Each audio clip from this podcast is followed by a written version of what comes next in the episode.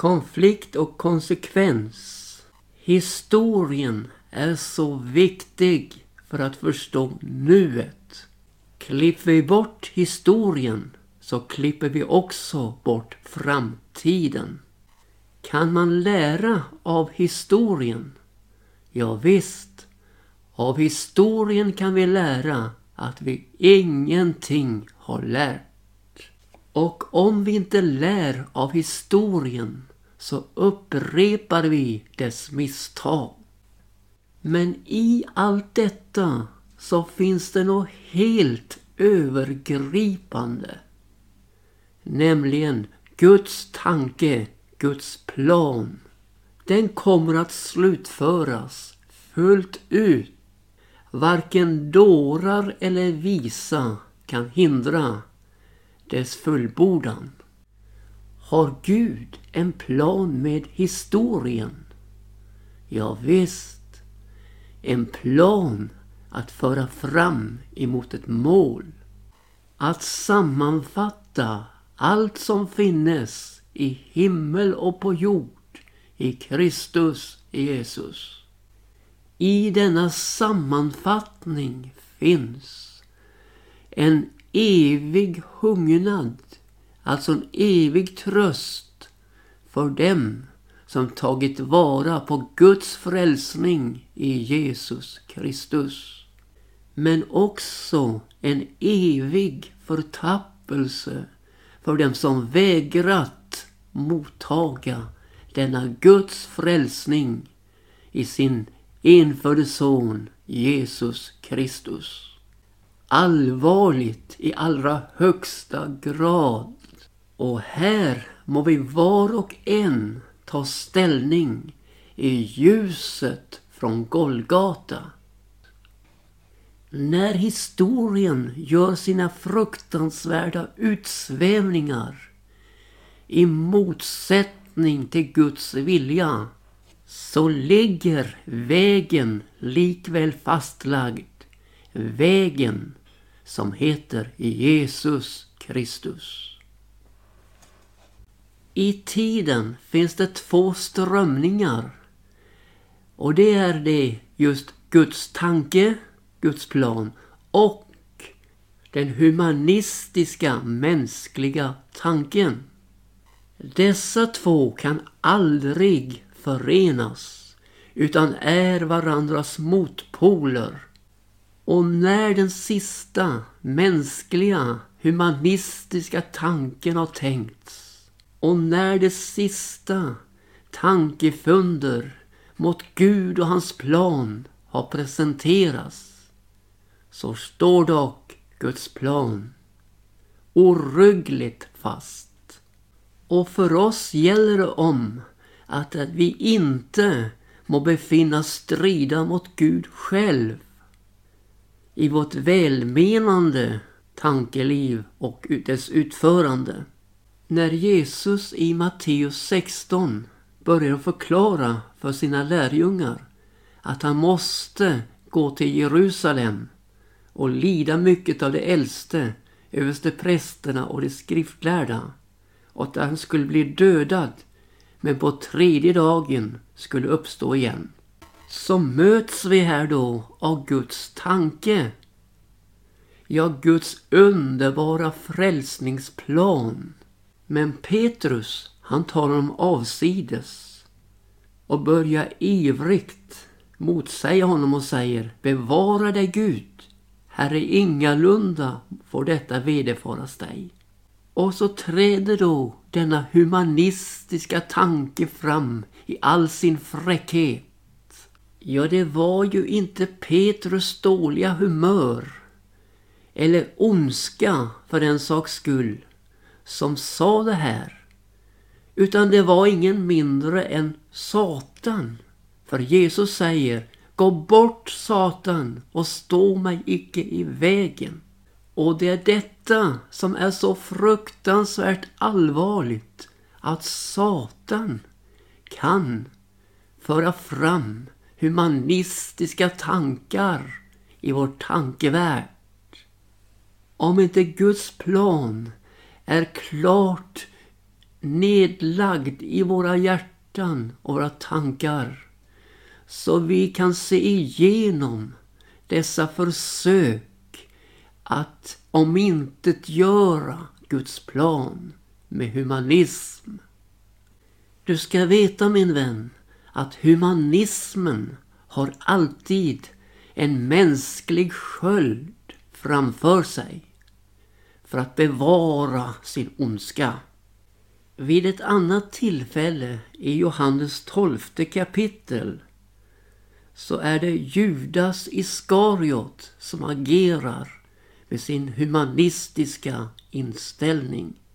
För att få så mycket som möjligt utav det för sig själv. På orättfärdiga grunder.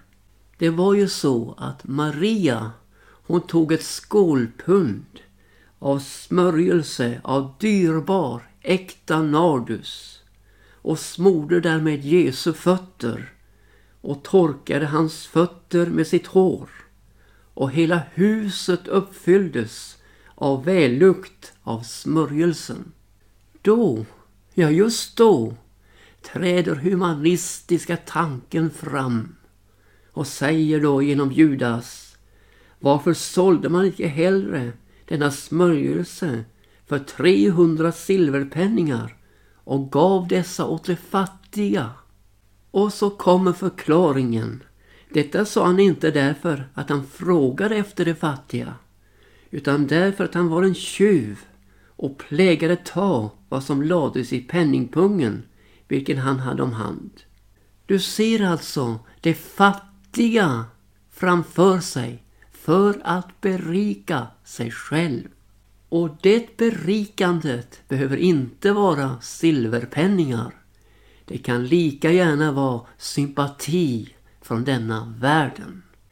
Det är alltså oerhört viktigt för dig och mig att hålla fast vid Guds plan. Vid Guds tanke. Ja, det Gud vill. En tanke vi inte alltid kan förklara och se meningen i. Men min vän, vad Gud har sagt, det består. Ja, sa Jesus, himmel och jord ska förgås men mina ord ska aldrig förgås. När vi nu vänder oss åt det jag har rubricerat här som konflikt och konsekvens så vill jag då här ta med dessa fruktansvärda händelser vi bevittnat i dessa sista dagar. Då Hamas går till angrepp mot civila israeler Män, kvinnor och barn, ja till och med babys, mördas brutalt i en attack vi inte sett dess motstycke. Kom nu denna attack spontant, helt ut ur det blå? Ja, det kan tyckas så, för den politiska ledningen och militären var ju helt oförberedd på detta. Och detta trots att man fått en varning tydligen från Egypten. Ja, det är viktigt att ta varningar på allvar och inte nonchalera dem. Ja, konflikten är inte ny och har heller inte sin upprinnelse i staten Israels upprättande utan dess trådar sträcker sig långt, ytterst långt tillbaka i historien. Och det blir inget försvar för nuets ogärningar. Redan på syndafallets dag så inträffar ju konsekvenserna av olydnaden mot Gud. Man mister härligheten från Gud och förvisas ut ur lustgården. Nästa generation, ja redan där, upplevs ett brodermord. Då Kain, som skriften säger, var av den onde, slog ihjäl sin broder Abel. Och så rullas historien vidare upp för oss på Noas dagar då våldet var förhärskande och Gud ångrar att han skapat människan. Och syndafloden kommer som konsekvens och dränker dem alla förutom åtta personer som befinner sig i säkerhet i arken. Under Guds beskydd. Ja, det är liksom urhistorien vi här har följt i några korta ord. Och sedan följer konsekvens på konsekvens vad det innebär att vara mot Gud och hans vilja. Vi ser det så tydligt på Bibelns blad. Och här, här skonas varken Guds egendomsfolk Israel eller andra folk. Utan konsekvens är konsekvens för oss alla. Och så kommer vi liksom till grundbulten i konflikten. Där Abraham, trons fader, gör sitt misstag. Säkerligen med goda föresatser. Men så vid sidan av Guds plan. Så får vi berättelsen om Hagar som blev givet Abraham som bihustru av Sara själv. Denne Hagar som blev medförd från äventyret i Egypten blir nu given åt Abraham och han går in till henne och Ismael föds. Och när Gud besöker Abraham några år därefter och säger jag kommer igen nästa år vid denna tid och då ska Sara ha en son. Så säger Abraham måtte Ismael allenast få leva inför dig. Nej, säger Gud, genom Sara är det som säd skall uppkallas efter dig. Och mycket riktigt, Isak föds som löftessonen.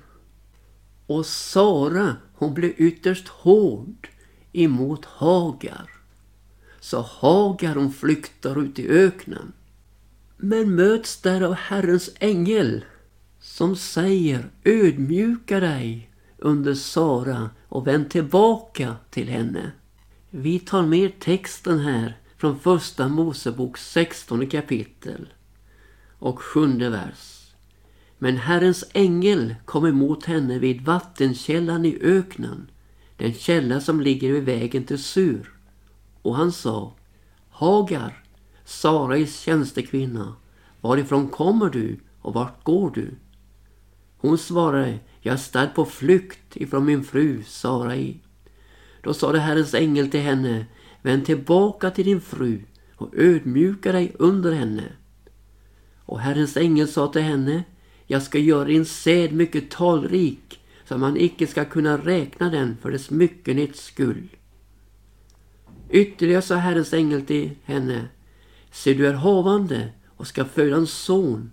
Honom ska du ge namnet Ismael, därför att Herren har hört ditt lidande. Och han ska bliva lik en vildåsna. Hans hand ska vara emot var man och var mans hand emot honom. Och han ska ligga i strid med alla sina bröder. Och hon gav Herren som har talat med henne ett namn i det hon sa. Du är seendets Gud. Hon tänkte nämligen, har jag verkligen här fått se en skymt av honom som ser mig? Ja, berättelsen den går ju en helt in på skinnet när man ser hur Gud hanterar en sådan här situation. Ja, seendets Gud ser allt. Han ser naturligtvis Sara och Isak. Men han ser också Hagar och Ismael på flykt. Han är verkligen seendets Gud. Det var liksom grunden i konflikten. Men så har vi också antisemitismen. hatet mot judarna, vad har det sin grund? Jo, jag nödgas konstatera i den fallna kyrkan med en ersättningsteologi där man menar på att kyrkan har övertagit allt vad Israel representerar inför Gud. Och man ger judarna epitetet Guds mördare på grund av det som hände på Golgata. Men då, då har man verkligen hamnat vid sidan av Guds plan och vid sidan av verkligheten. För vi är alla undantagslöst skuld till Jesu död. Under det att Guds handlande i situationen är så oerhört stor då han låter vårt dödande blir till liv genom Jesus. Här finns alltså en större aktör i händelseförloppet än människans ondska. Nämligen Guds kärlek och utgivande av sin enfödde son Jesus Kristus. Hur kan Gud handla så? Ja, det är ofattbart för den humanistiska människan. Men en verklighet för den som har upplevt det, Jesus i sitt liv. En frälsning av nåd genom tro på honom. Antisemitismens grymma ansikte visar sig nu och då genom prognomer, genom förintelsen och nu genom detta som har hänt med judarna i deras eget land. Min fru och jag, vi har besökt Auschwitz. Och på intet ställe här i våra resor har vi upplevt en sån oerhörd beröring av våra hjärtan. Vi såg barackerna. Vi såg gaskamrarna. Vi såg krematorierna. Och vi såg väskorna från judar som hade haft en liten förhoppning om ett liv skulle fortsätta. Vi såg glasögon i mängder från dessa människor. Och tystnaden var så påtaglig. Vi saknade ord att sätta på det för att tala med varandra. Vi såg, vi kände och vi upplevde något av det innebar detta slaktande, detta dödande av judar därför att det bara var judar. Ett oerhört starkt intryck gjorde också den här järnvägsrälsen. Alltså du vet den här porten in emot lägret. Och så går rälsen in med kreatursvagnarna fyllda av människor på sin sista resa. Och jag gick ut med spåret tills dess ände. Och det slog mig så oerhört starkt. Här, här slutar livet. Ja, det är obeskrivligt det som hände. Hur människor utlämnades till döden. Hur det gasades ihjäl. Män, kvinnor och barn. Men vi har också människor som mitt i krigets fasor var redo att hjälpa judar. Vi har transporterna över Öresund från Danmark, det besatta Danmark, till Sverige. Av judar som kom undan förintelsen. Sverige som i början av kriget var redo att utlämna sina judar var nu redo att ta emot dem. Krigslyckan hade vänt för Tyskland. Ja, det är heroiska bedrifter som förekommer om natten då människor skeppas över till säkerheten i Sverige. Och i det allra sista av kriget så har vi de här vita transporterna då man drar ner till koncentrationslägren och hämtar dessa arma människor som överlevt. Ja, Folke Bernadotte har fått äran för detta. Men vad med alla dessa chaufförer, i huvudsak danska, som bemannade dessa bilar eller bussar och förde dem till Sverige? Och så har vi ännu en fruktansvärd händelse att ta med här. Nämligen då judar kom i skepp lastade med fångar från koncentrationslägren till Haifa i Israel men blev mött av engelska kanoner för att inte kunna landstiga. En fläck som det inte går att tvätta bort från det engelska imperiet. Ett imperium som bara blev en skugga av sig själv efter detta. Den 14 maj 1948 sker historiens stora under. Israel blir upprättat.